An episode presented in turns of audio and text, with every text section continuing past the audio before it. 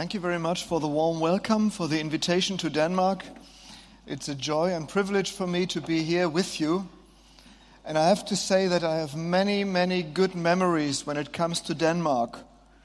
Memories of beautiful um, vacations with my family on the Isle of Fanø, and memories of our 35th anniversary of our wedding, which we spent in Copenhagen and we could visit the exhibition in the Museum of Louisiana. That was very nice and beautiful.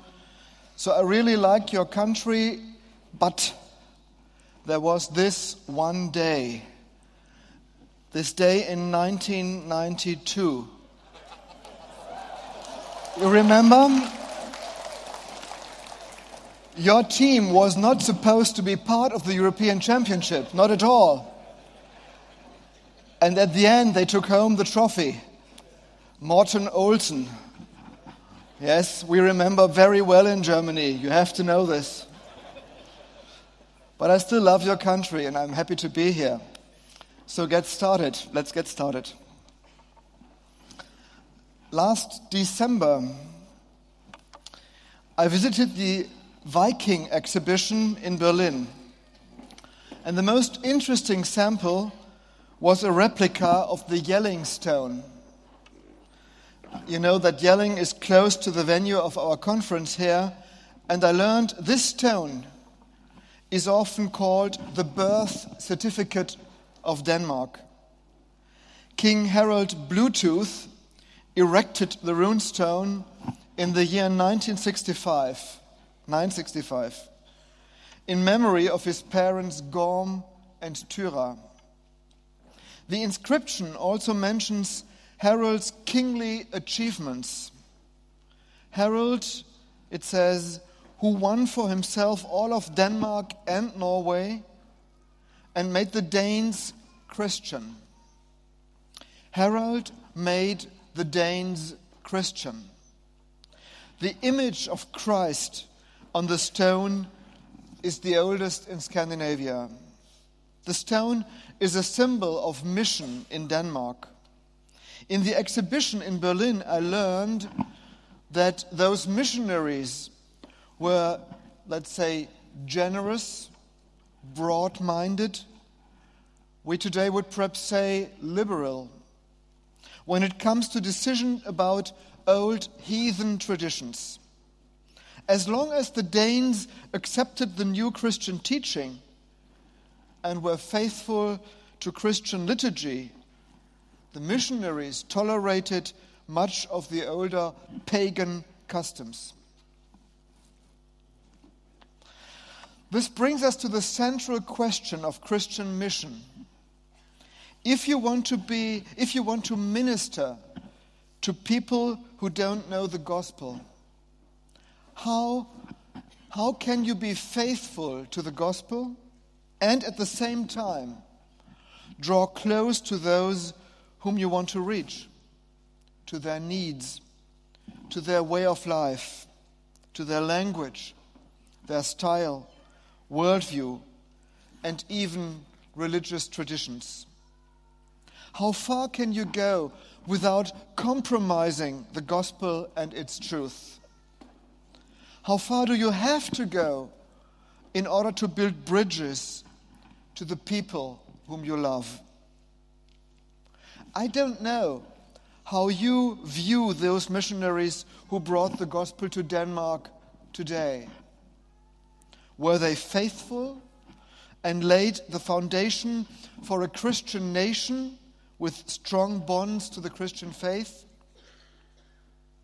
Or were they too indulgent and laid the foundation for a very superficial Christendom tradition.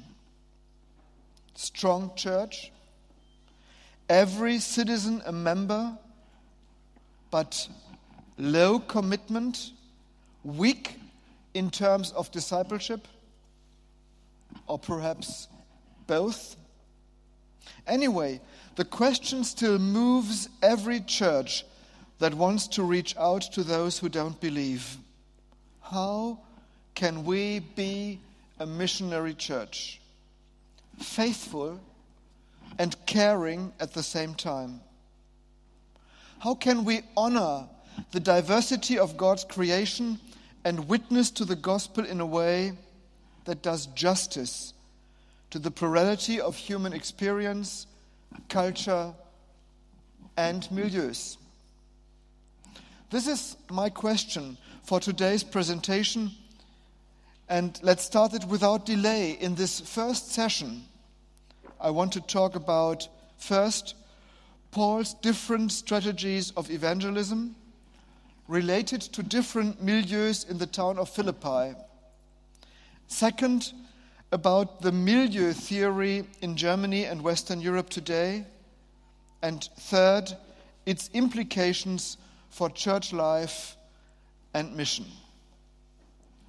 So, the first part Paul in Philippi, a missionary who is sensitive to milieus. Luke tells us this, how the gospel came to Europe. In Acts 16, we see the Apostle Paul traveling from Asia to Europe. And Philippi is the first place in Europe where he witnesses to the gospel. When Paul comes to Philippi, he meets very different people. And it is thrilling to see how Paul adapts his teaching to the specific background of these target groups. You will probably know the story. There is Lydia, a dealer in purple cloth, who was a worshipper of God, not converted to the Jewish faith, but very close and affiliated to the community of Jewish worshippers. There is a nameless slave girl who was possessed by a spirit by which she predicted the future. There is a jailer, a heathen man responsible for the local prison, who puts Paul and his companion Silas in the inner cell and fastens their feet in the stocks. What can we see? We see three very different people with different backgrounds, different religious affiliations, different social status, and different education. But they have something in common. They all will be converted to Christ at the end of the day. But how is this possible? Timothy Keller calls this passage a case study of conversion. Luke has collected these case studies deliberately to show the diversity of conversion. Lydia is a case of the gospel for the religious. The slave girl is a case of the gospel for the oppressed. The jailer is a case of the gospel for the secular.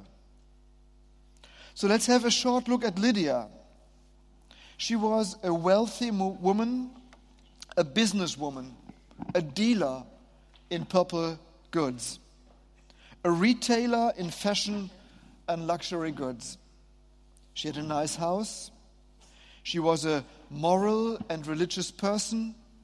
She was a worshiper of God, which is a technical word it means she was a Gentile who was reading the Hebrew Bible and trying to please the God of Israel.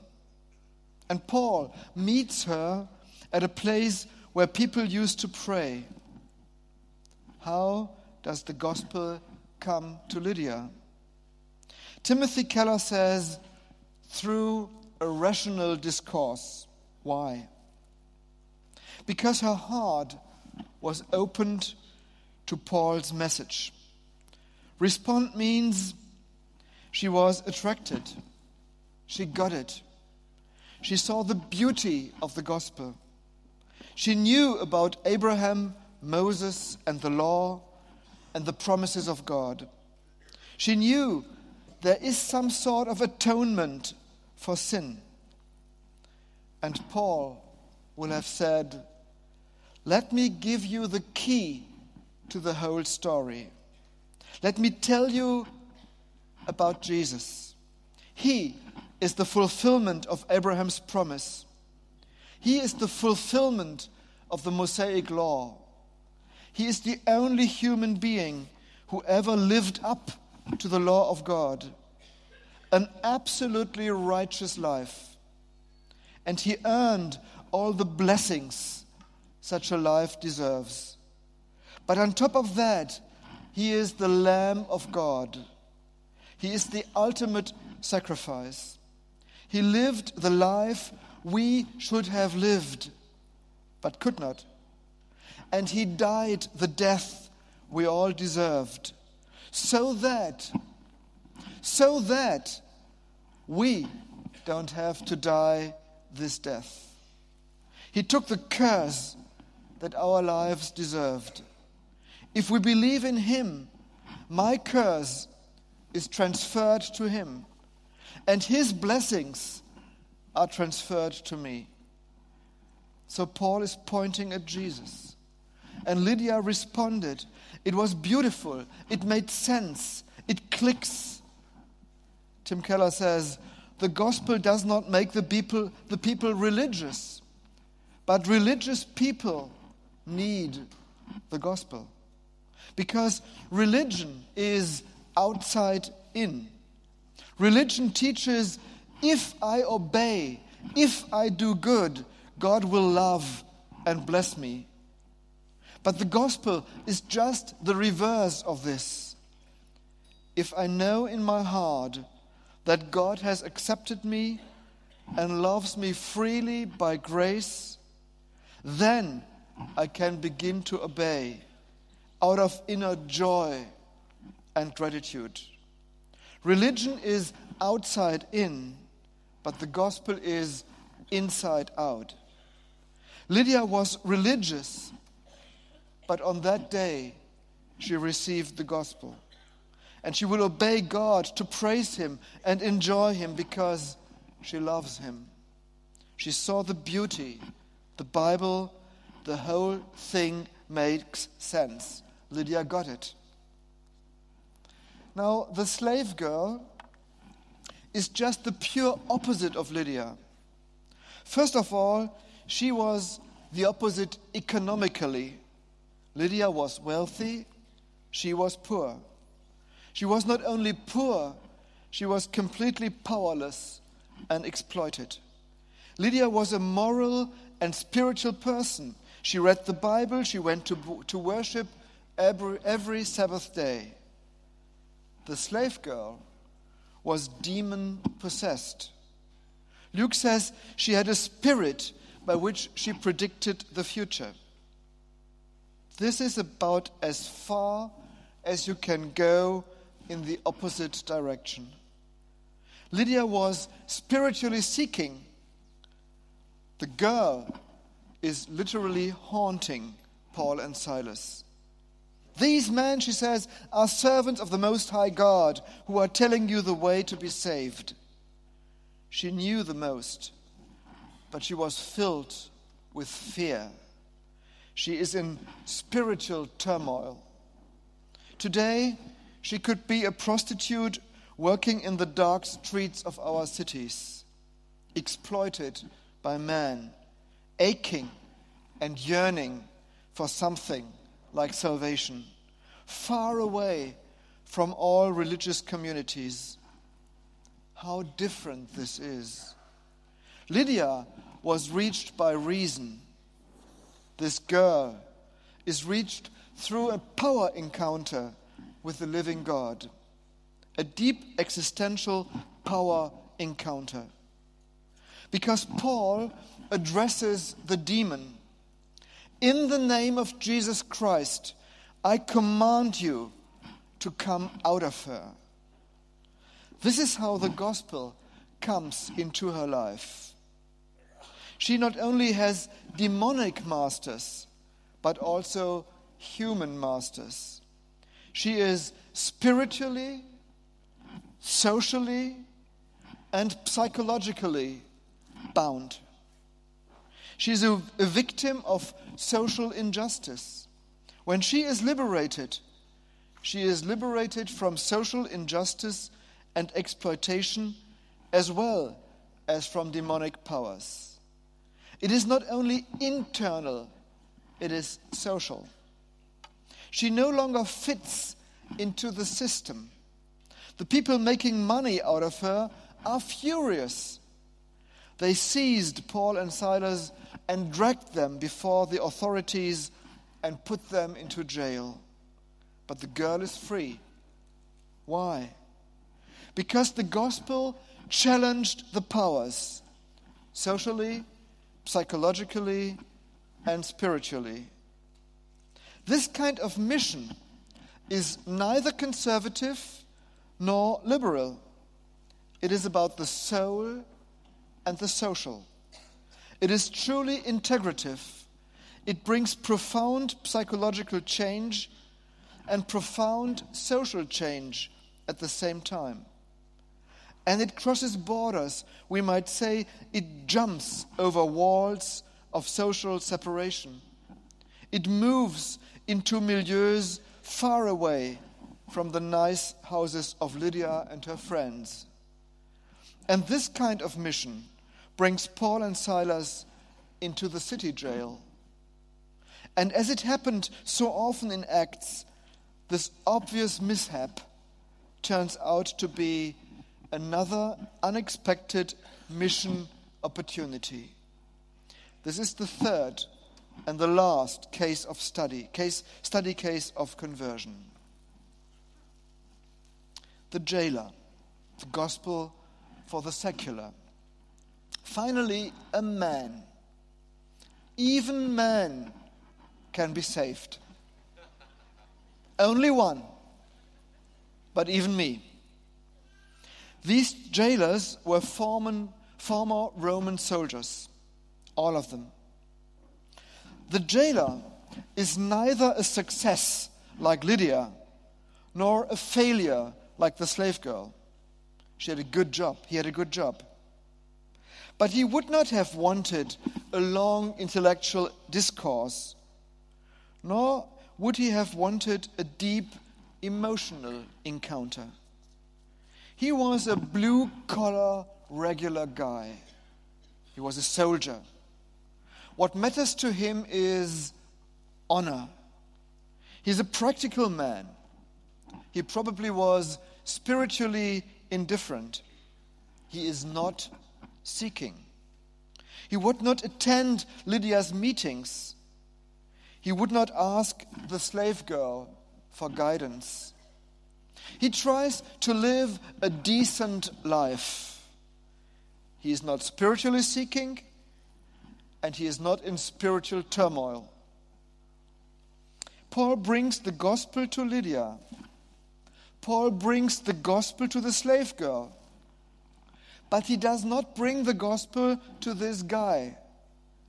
This guy has to come to Paul. Paul is brought to him. Why? Because you don't tell the gospel to someone who is indifferent. What else? You show the gospel and wait. You display the gospel, what the gospel can do, before you explain the gospel. And this is exactly what happens in this story. These prisoners have been beaten up, they must have been dripping with blood. And the jailer puts them in the stock, which is a form of a mild torture. He shows no compassion. And why does that change? Two things happen. First, these prisoners, deep down in the jail, start singing hymns. There must be an unbreakable joy within them, rooted so deep that they could take away their money, they could take away their freedom, and instead of complaining, they sing praises. They pray, and the other prisoners are listening. The jailer sees their attitude towards suffering. This is the first. And the second is there is an earthquake, and the doors flew open, And the jailer knew now they are gone. And that's it. If a jailer loses his prisoners, he is going to be executed himself. That is why he decides to kill himself. Paul and Silas could have escaped, but at the cost of the jailer's life. But they repay evil with good, they stay. The jailer has never seen anything like that.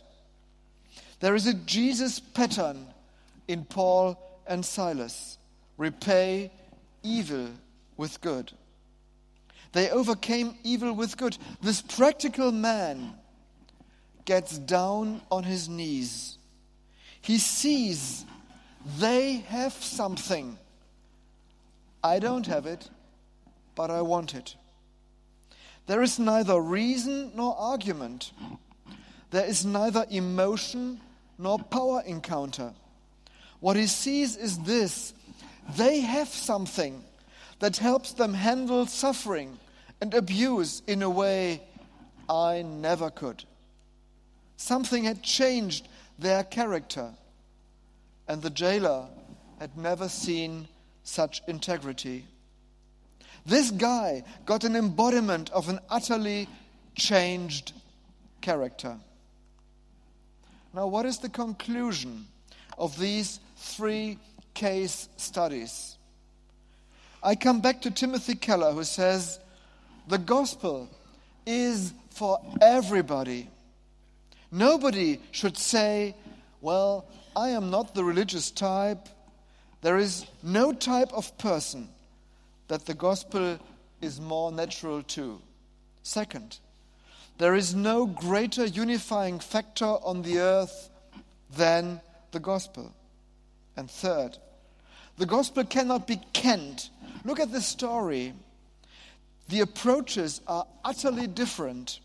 The woman, the slave, and the jailer. They experience both. The gospel is adapted to their life, and at the same time, they are challenged. Jesus. Jesus is everything they need. Now, this is my question, second part, second chapter. How would we tell the story of so utterly different conversions today in Germany or in Denmark, in our villages, towns, and cities? I make a first suggestion and introduce to you three different characters from our days. There is first Lisa Anderson. She is 60 years old, funny age, and lives with her husband, a bookkeeper, and with their cats in a rented apartment in the suburbs. Let us take a look at their Christmas activities. By the way, you can see at what time of the year I prepared this presentation. This is what they love. For Lisa, the most important part of Christmas is when their grown up children arrive. Her son and her daughter will come and see them, together with their partners and five year old Patrick, their first grandson who is her pride and joy. Granny at last. Lisa will decorate their flat as always. They will have potato salad and sausages for Christmas Eve, as always in their family's history. Before the family may enter the Christmas room with a Christmas tree, Lisa will ring the Christmas bell. They will sing Silent Night they will have Christmas present, not too expensive, but convenient.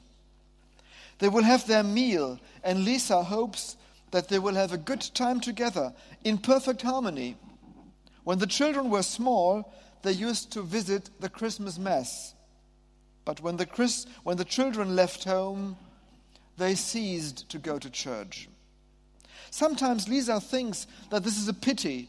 Maybe, maybe she will go to church after Christmas. There is second Dr. Doc, Dr. Martin Lundgren. He is 65 years old, old chap, and has a doctorate in the classics. Soon he is going to retire as a senior teacher at the local grammar school. He lives with his wife in their semi detached house, which they own about 10 kilometers out of town. For him, Christmas would not be Christmas without listening to Johann Sebastian Bach, Christmas oratorio in the old city cathedral. Fortunately, he thinks, the vicar retrains himself when it comes to preaching on Christmas Eve.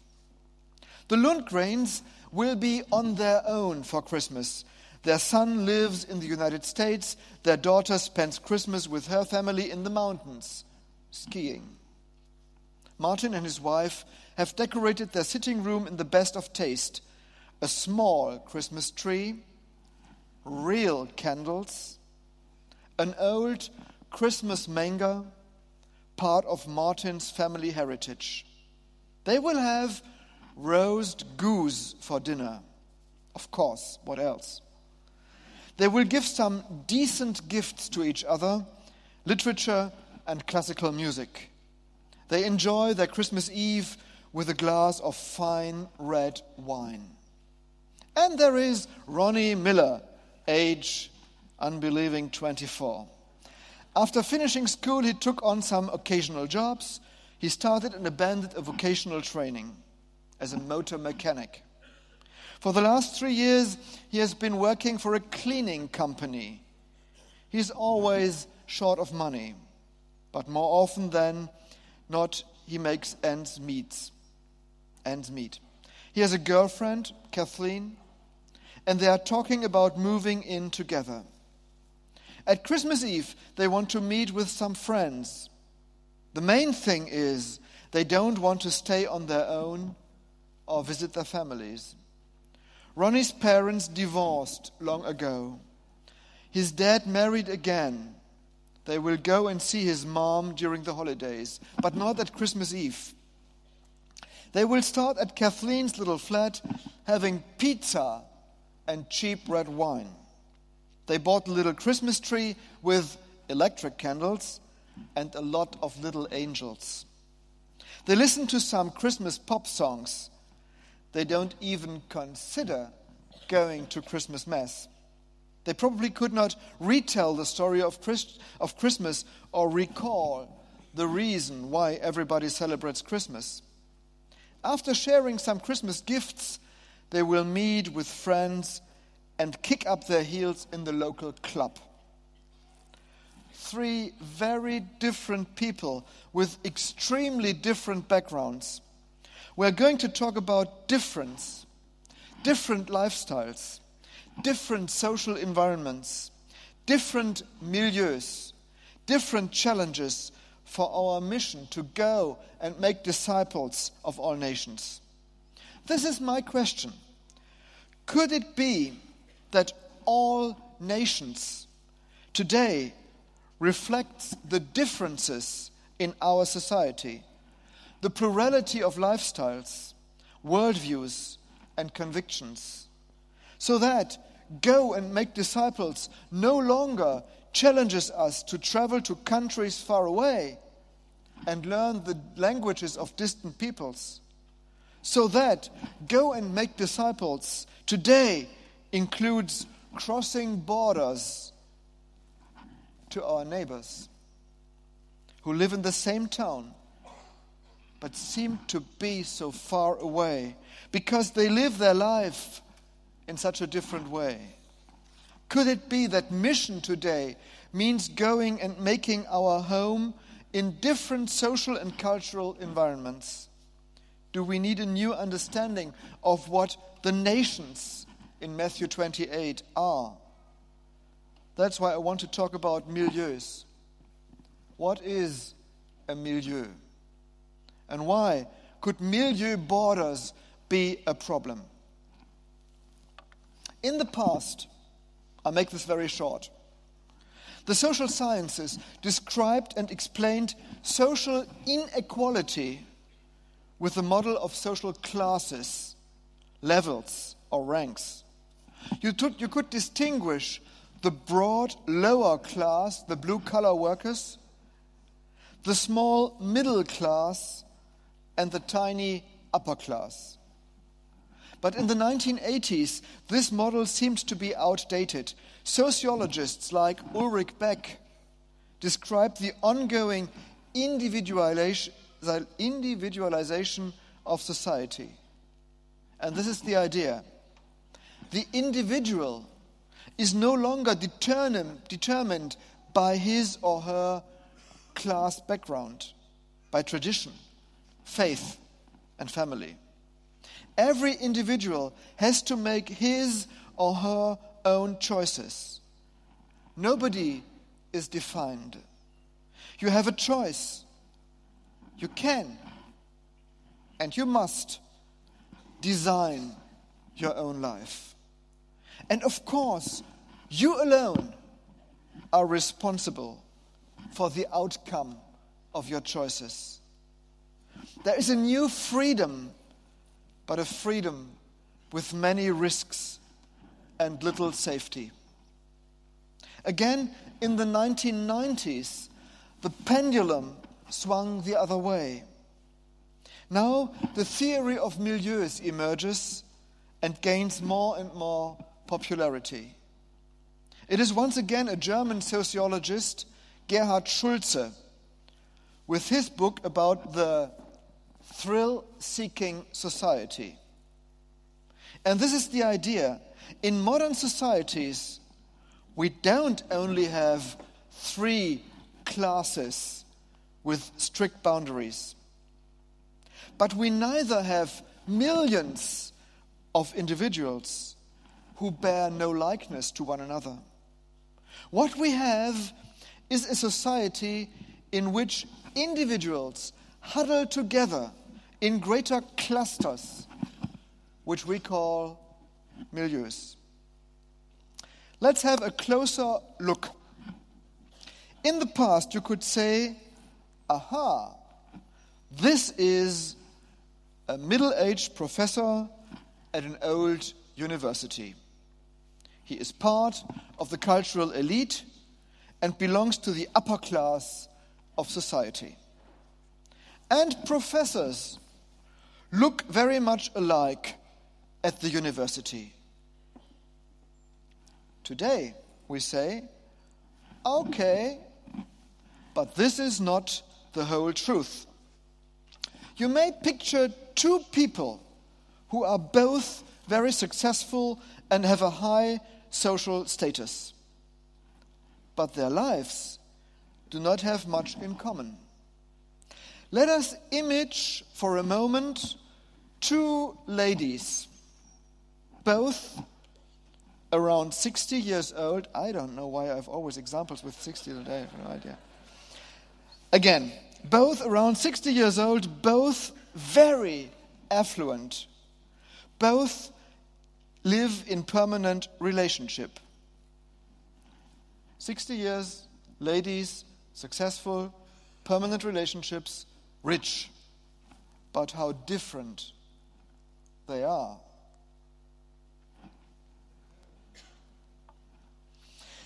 This is what you see on this side the German Chancellor Angela Merkel, age 60, conservative liberal politician, married to a science professor, certainly part of the upper class in Germany. But now, wait a moment. Have a look at the lady on the right. Same age, same sex, very popular, certainly wealthy. But Hella von Sinnen is a comedian, part of the gay lesbian community, certainly not conservative, same class, very different lifestyle, completely different worldview. Now I try to find a Danish example. And perhaps this here might do. Lars von Trier, age 59, young boy. film director, very successful, well known, liberal mindset. And on the other hand, Anders Fogh Rasmussen, age 61, right wing politician, former prime minister, former secretary general of the NATO. Same class, different milieu. What I try to explain is this the same class does not necessarily lead to the same worldview and lifestyle. I take a look at my colleagues. I find Professor R, who loves his Mercedes Benz. He spends his leisure time in the opera and in museums. He votes for conservative parties and he belongs to the Rotary Club. But in the office next to him, there is Professor B, who rides his motorbike. He loves his outdoor equipment. He spends his leisure time in the cinema, in gyms, and he votes for the Green Party. Professor A and Professor B share their education and their status. They belong to the same class, but they do not belong to the same milieu because their lifestyle and their worldview differ heavily from one another. We call them socio demographic twins. And this is what represents a milieu. It is a mix. And this mix consists of social class on the one hand, vertical, formation, economic status, and values, mindset, lifestyle, worldview, preferences on the other hand. Those who belong to the same cluster, to the same milieu, are connected to one another and separated from those who belong to a different cluster or milieu. So there is a togetherness and a separateness. And it is not so difficult to imagine what I try to say. Dr. Martin would have a hard time if he tried to spend Christmas together with Ronnie. Dr. Martin would enjoy to celebrate Christmas with Professor Peter if Professor Peter loves Johann Sebastian Bach and not David Bowie. Social status does not tell us how someone lives his life. And there are three main areas which define this lifestyle aspect of a milieu. First, aesthetics. What do I consider as beautiful? Which clothes which furniture, music, food, movies do you enjoy? And which do you despise? Values. What is important for you? Are you self oriented or committed to others? What do you think about the role of man and woman? How do you bring up your children? Is fun more important or duty predominant in your inner value system? And third, community. Do you love big crowds? Or do you prefer solitude or togetherness with a few friends? Are you sociable or solitary? To cut a long story short, milieus are groups of like minded people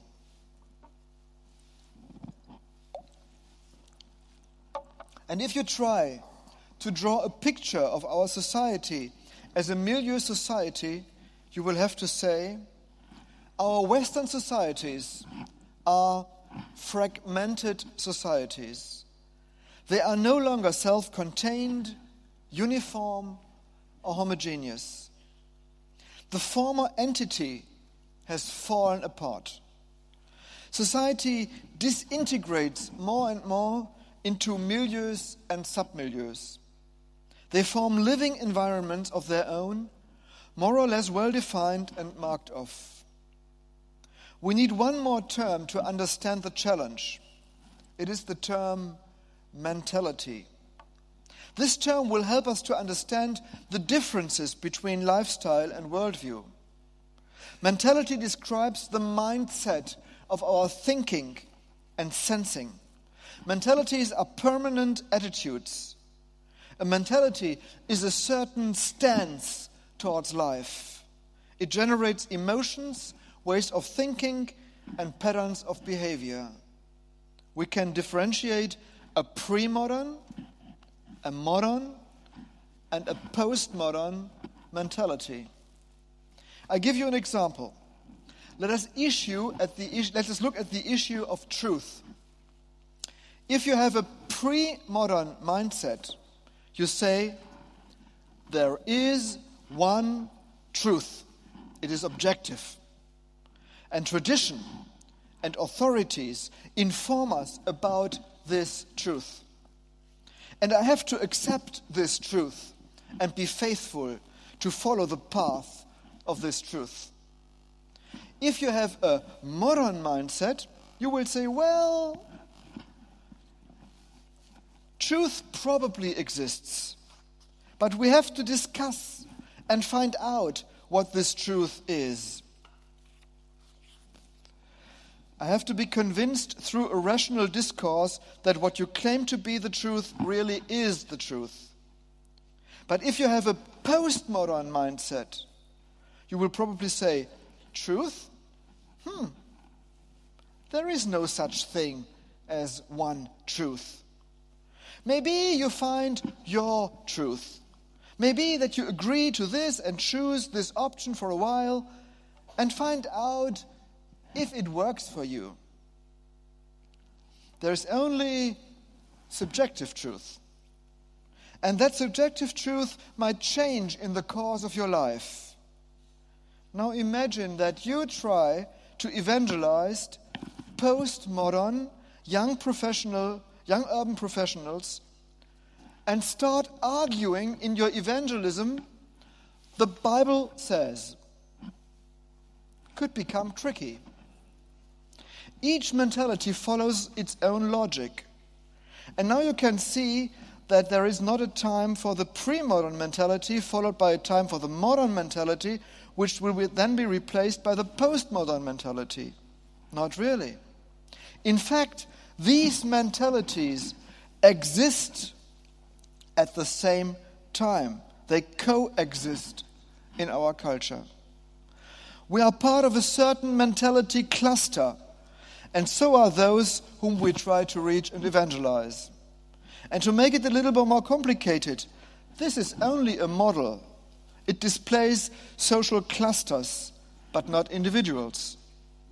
An individual might have some overlaps, some modern thinking, some pre modern attitude, some post modern sensing. In the local church, you might sometimes have arguments about leadership. And part of these debates are different mindsets.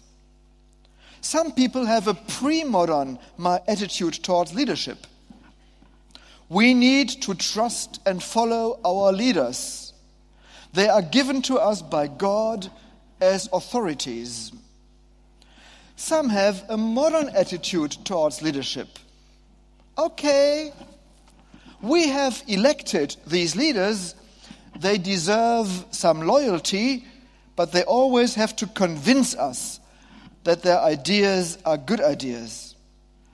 And some people in our churches have a postmodern attitude towards leadership.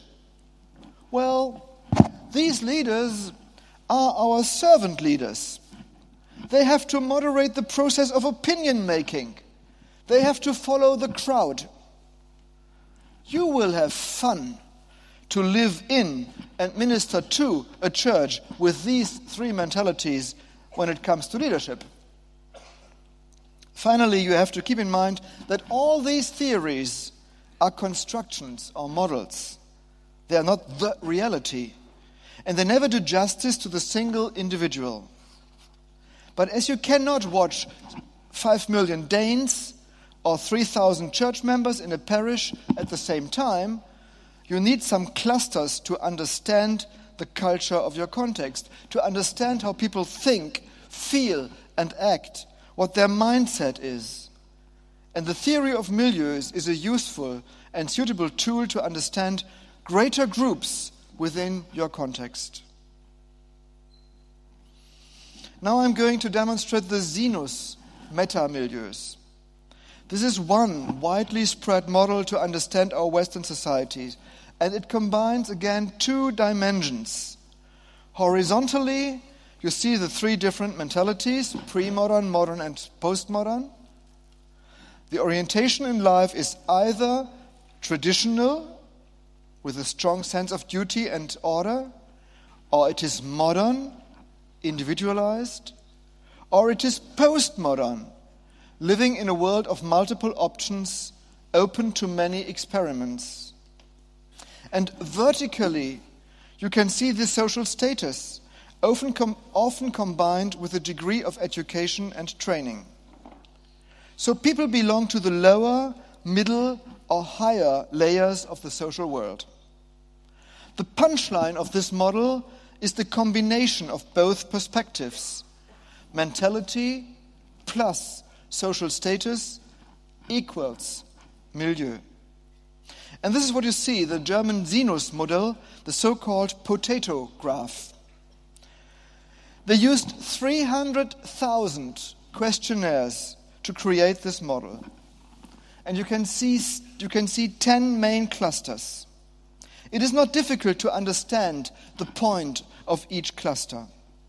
There is a traditional blue collar milieu at the lower left corner. There is the established conservative milieu. There is the modern middle class in the center. There is a precarious milieu of socially deprived people who might regard themselves even as losers.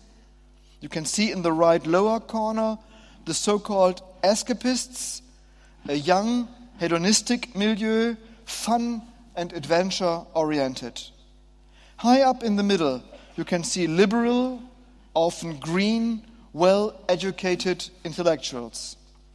And on the higher right side, you see younger milieus, higher, high achievers in well paid positions, nerds, bankers, creative people, perhaps those who move and shake.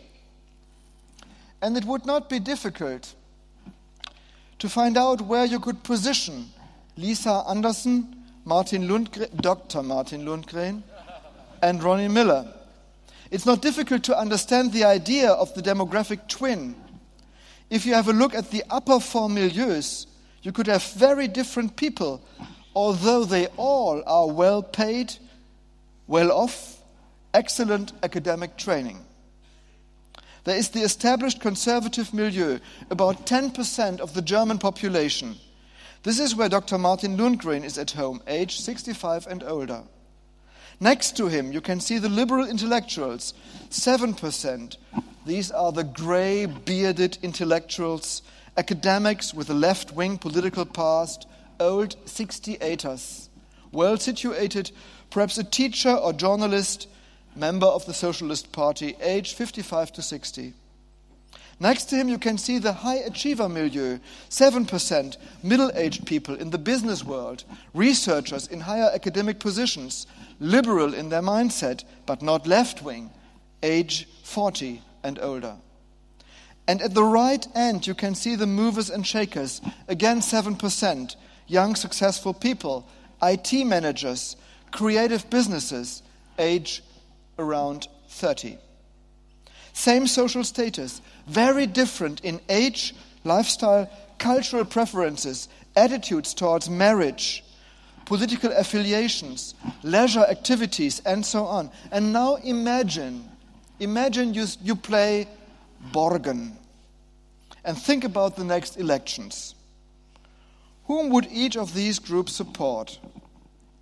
Or, in order to draw closer to our main subject, Imagine which kind of church life each of these groups would enjoy or despise, wish or hate, visit or decline, accept or despise. Which music would one of them enjoy? And would the other enjoy this music at the same time in the same way? Which kind of preacher and preaching could address the heart of this or that representative? And could it be the same for all of them? Which kind of building, which kind of event, which time of the day, of the week would attract one of them? Would it attract all of them? Or will it repel the one while it attracted the other? While, sorry. this is exactly the missionary challenge and the problem of our missionary endeavors. We often think that one fits all, but in reality, what attracts these repels others. If you want to contextualize your mission, you have to know whom you want to reach, whom you can reach, and how these people, your target groups, are wired. You have to ask a number of questions. What are their issues? Which questions are important to them? What do they feel?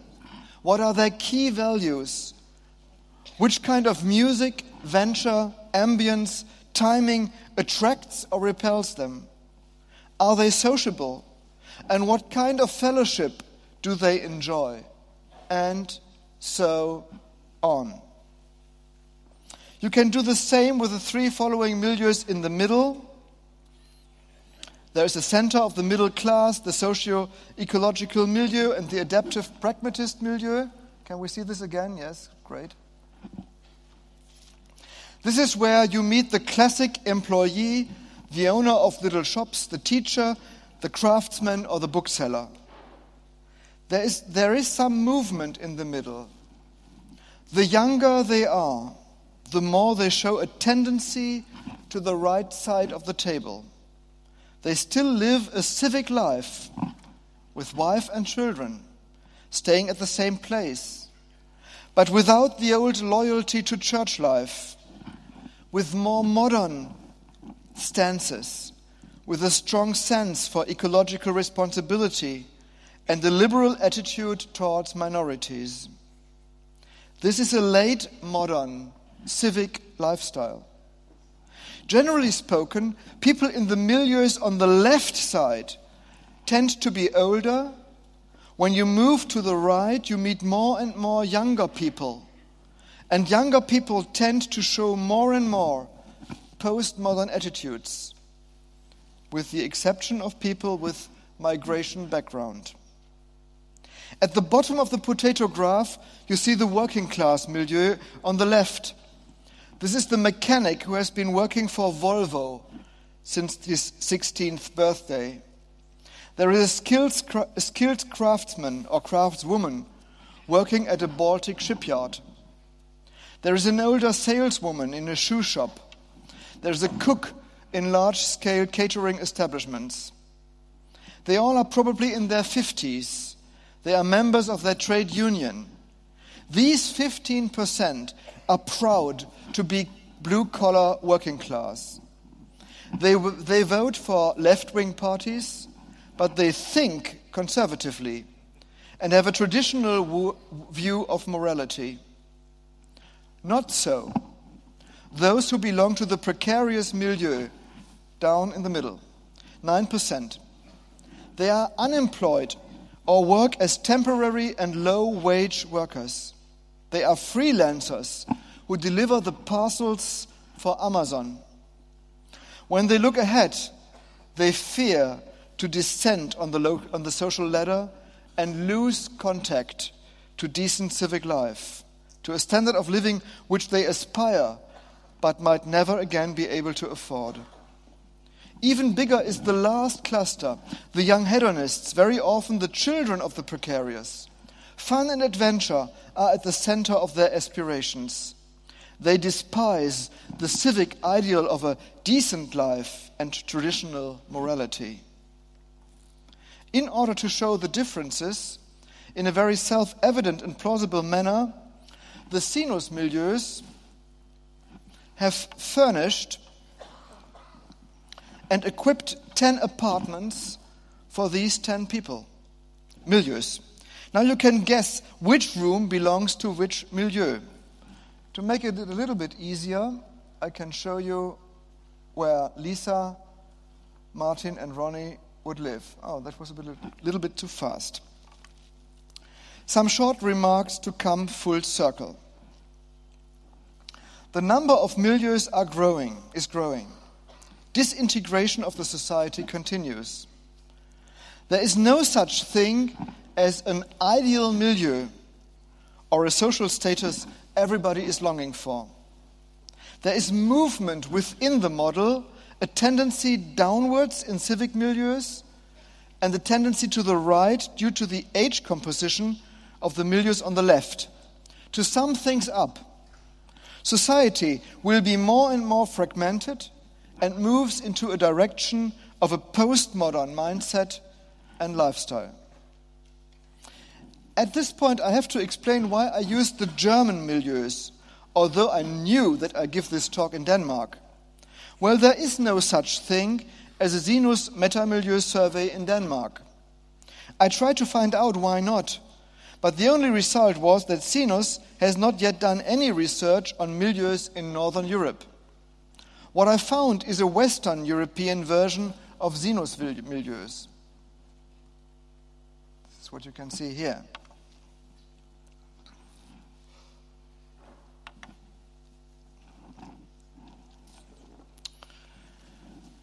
And you can see the same clusters that I introduced to you. The idea is the same.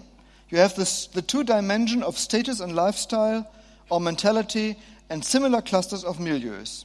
That's why I think that for today we can work with this model. A Danish version would look different, but not very different. And to show similar attitudes, you can see on this chart. But I don't have to repeat the characteristic of the main milieus because I'm sure that you got the main idea, and so I come to my last short, very short point. Implications for church life and mission. I will tell you more after lunch in the soup coma. Why should we, as Christians and missionaries, missionary movements, know about milieus? Why is that important? Well, if you remember my meditation on Acts 16, you remember how Paul and Silas addressed different milieus in Philippi. They did not take it for granted that everybody in town understands and approves of their own lifestyle and their personal approach to the gospel. But they were utterly convinced that the gospel is for everyone. And in the same degree, they were convinced that missionaries have to contextualize the one true, biblical, Jesus centered gospel to each and every cultural and social context. And this is where our problems begin. For this moment, I can only make some comments. I want to mention three problems. First, talk about marginalization of church people. Second, the gates of disgust. And third, the captivity in our milieus. First, we could say there are people who are baptized and nominal church members in all milieus. We know this is true, but it doesn't make a big difference. Why not? Because we know that those who attend church on Sundays, who play an active role in church life, who can successfully be invited to most of our evangelistic events, only come from very few milieus. This is what I can show you here. They come from these milieus only. Which means, otherwise, most milieus are nearly absolutely immune against traditional church life. And both facts are alarming. If you were, uh, if you were asked to highlight the milieus which are represented in your church, your fellowship, your team of volunteers, your house Bible group, your Alpha course, how many milieus would be highlighted? How many would you have to skip? Generally, we know that many German churches and congregations have completely lost contact with many of their members, not to mention those who are not or were never affiliated. We have lost contact both to those on top and those at the bottom, to the highly cultured affluent segments, as well to the precarious, near illiterate segments of society. Our surveys show that in average church groups, most people come from two, three, maximum four milieus. And guess which milieus are represented? Guess who comes and who would never enter a church building? We can see that active church members belong in their majority to the smaller, older, more conservative and traditional milieus. There are some liberal, green, left wing people in church life, but they also tend to belong to the gray haired population. Surveys on church attendance show that on a given Sunday, you will see probably that women, elderly people, middle class people, people with traditional mindsets are prevailing in the pews of our local church. This is why I talk about marginalization of church life. Where is Ronnie? And who misses Ronnie in church? Who tries to find out how Ronnie could meet Christ and understand what difference the gospel would make in his life? How would Paul and Silas react today? In which way would they present the gospel to those unreached people, unreached milieus in our society? There are a couple of reasons why people do not come to church. One main reason might be they don't have any interest in religious questions. It's difficult to engage people who are indifferent when it comes to religious matters. But there are some more reasons that are related to cultural problems.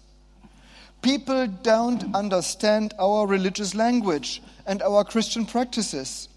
We don't have a clue how little people know about faith, how far away our vocabulary is from their normal life. They don't understand our songs. They don't know why the Bible should be important. They have no idea how to behave at a Christian event. Once people told me that they had asked themselves, honestly, they had asked themselves, How do I dress properly when I come to church for the first time in my life? People have a different mentality. We say, the Bible is our authority and tells us what truth is. When we evangelize, we say the Bible says, and we are convinced that this is a strong argument. But people simply react the Bible? Okay. But why should I give credit to this book? People live in different rhythms of life. We underestimate that our holy day, our Sunday, is something very different from most people. It is the weekend. And the weekend follows its own logic and it has its own force of habit.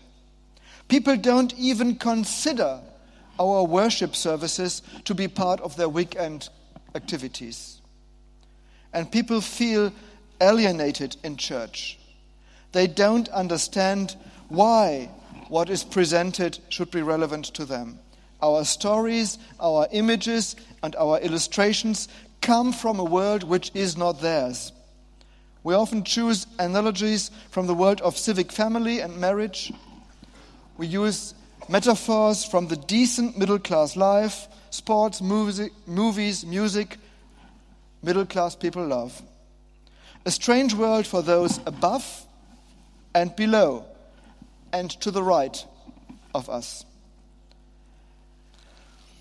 Have they really veered away from us? Or have we veered away from them? The typical church would, world is not only strange for the unchurched. Sorry for this picture. It is sometimes even disgusting. The milieu theories say that milieus are groups of like minded people. But this includes that these like minded people differ heavily from other like minded people. And the further away a milieu is from my home port, the more difficult it becomes to understand one another and to feel positively about the customs of the other. Milieu theories refer to this as gates of disgust. Remember the question we started with. How difficult would it be to arrange a Christmas party for Lisa, Martin, and Ronnie? With older words, how difficult it is to make all three of them feel at home. It is not difficult to imagine that Dr. Martin would be embarrassed if he had to join Ronnie's Christmas party. And Ronnie would feel cut out when he had to visit the Christmas oratorio. What if these gates of disgust are one powerful reason why it is easier for a camel to go through the eye of a needle than for a young hedonist, a precarious blue collar worker, or a successful post materialistic performer to enter into the world of gospel communication? By the way, this is not only true for traditional church life, it is also true for many of our evangelistic efforts. If we have, to, if we have a down to earth, sober look and ask ourselves, whom do we actually reach? Who comes? Who stays? Who feels at home with us? Well, we might detect that we are quite good at reaching those who are akin who are similar to us and who are not too far away from our church. And we will have to talk about the question if this is just fate and have to come to terms with the fact, or if we can do something about this reduced range of evangelism. This is why former German Bishop Wolfgang Huber talks about the mental captivity of church people in their own milieu. This captivity is in some parts even unconscious. We think what we like and how we live is just normal. That is what Christianity is all about. We are like fish in the water, and our milieu is the water. We think we are open, we invite everybody, there is room for every man and woman in our community. They simply have to come. But the hidden logic is they have to come and conform to our way of life. Captivity means that we can't follow the last commission of our Lord. In this case, the Great Commission becomes the Great Omission. We have a hard time to understand those who live life in a completely different milieu. We don't really appreciate their gifts. We don't understand their language. We know little about their struggles and their delight. Do we know what the Lord has in mind for them? Are we intentional to reach out to them, learn from their experiences, love them in the love of Christ? This is what prompted and moved the apostles in Philippi. This is the reason why they ministered and witnessed so differently to the wealthy woman, the slave girl, and the secular jailer. And this is what our mission is about. You had long patience. I thank you very much.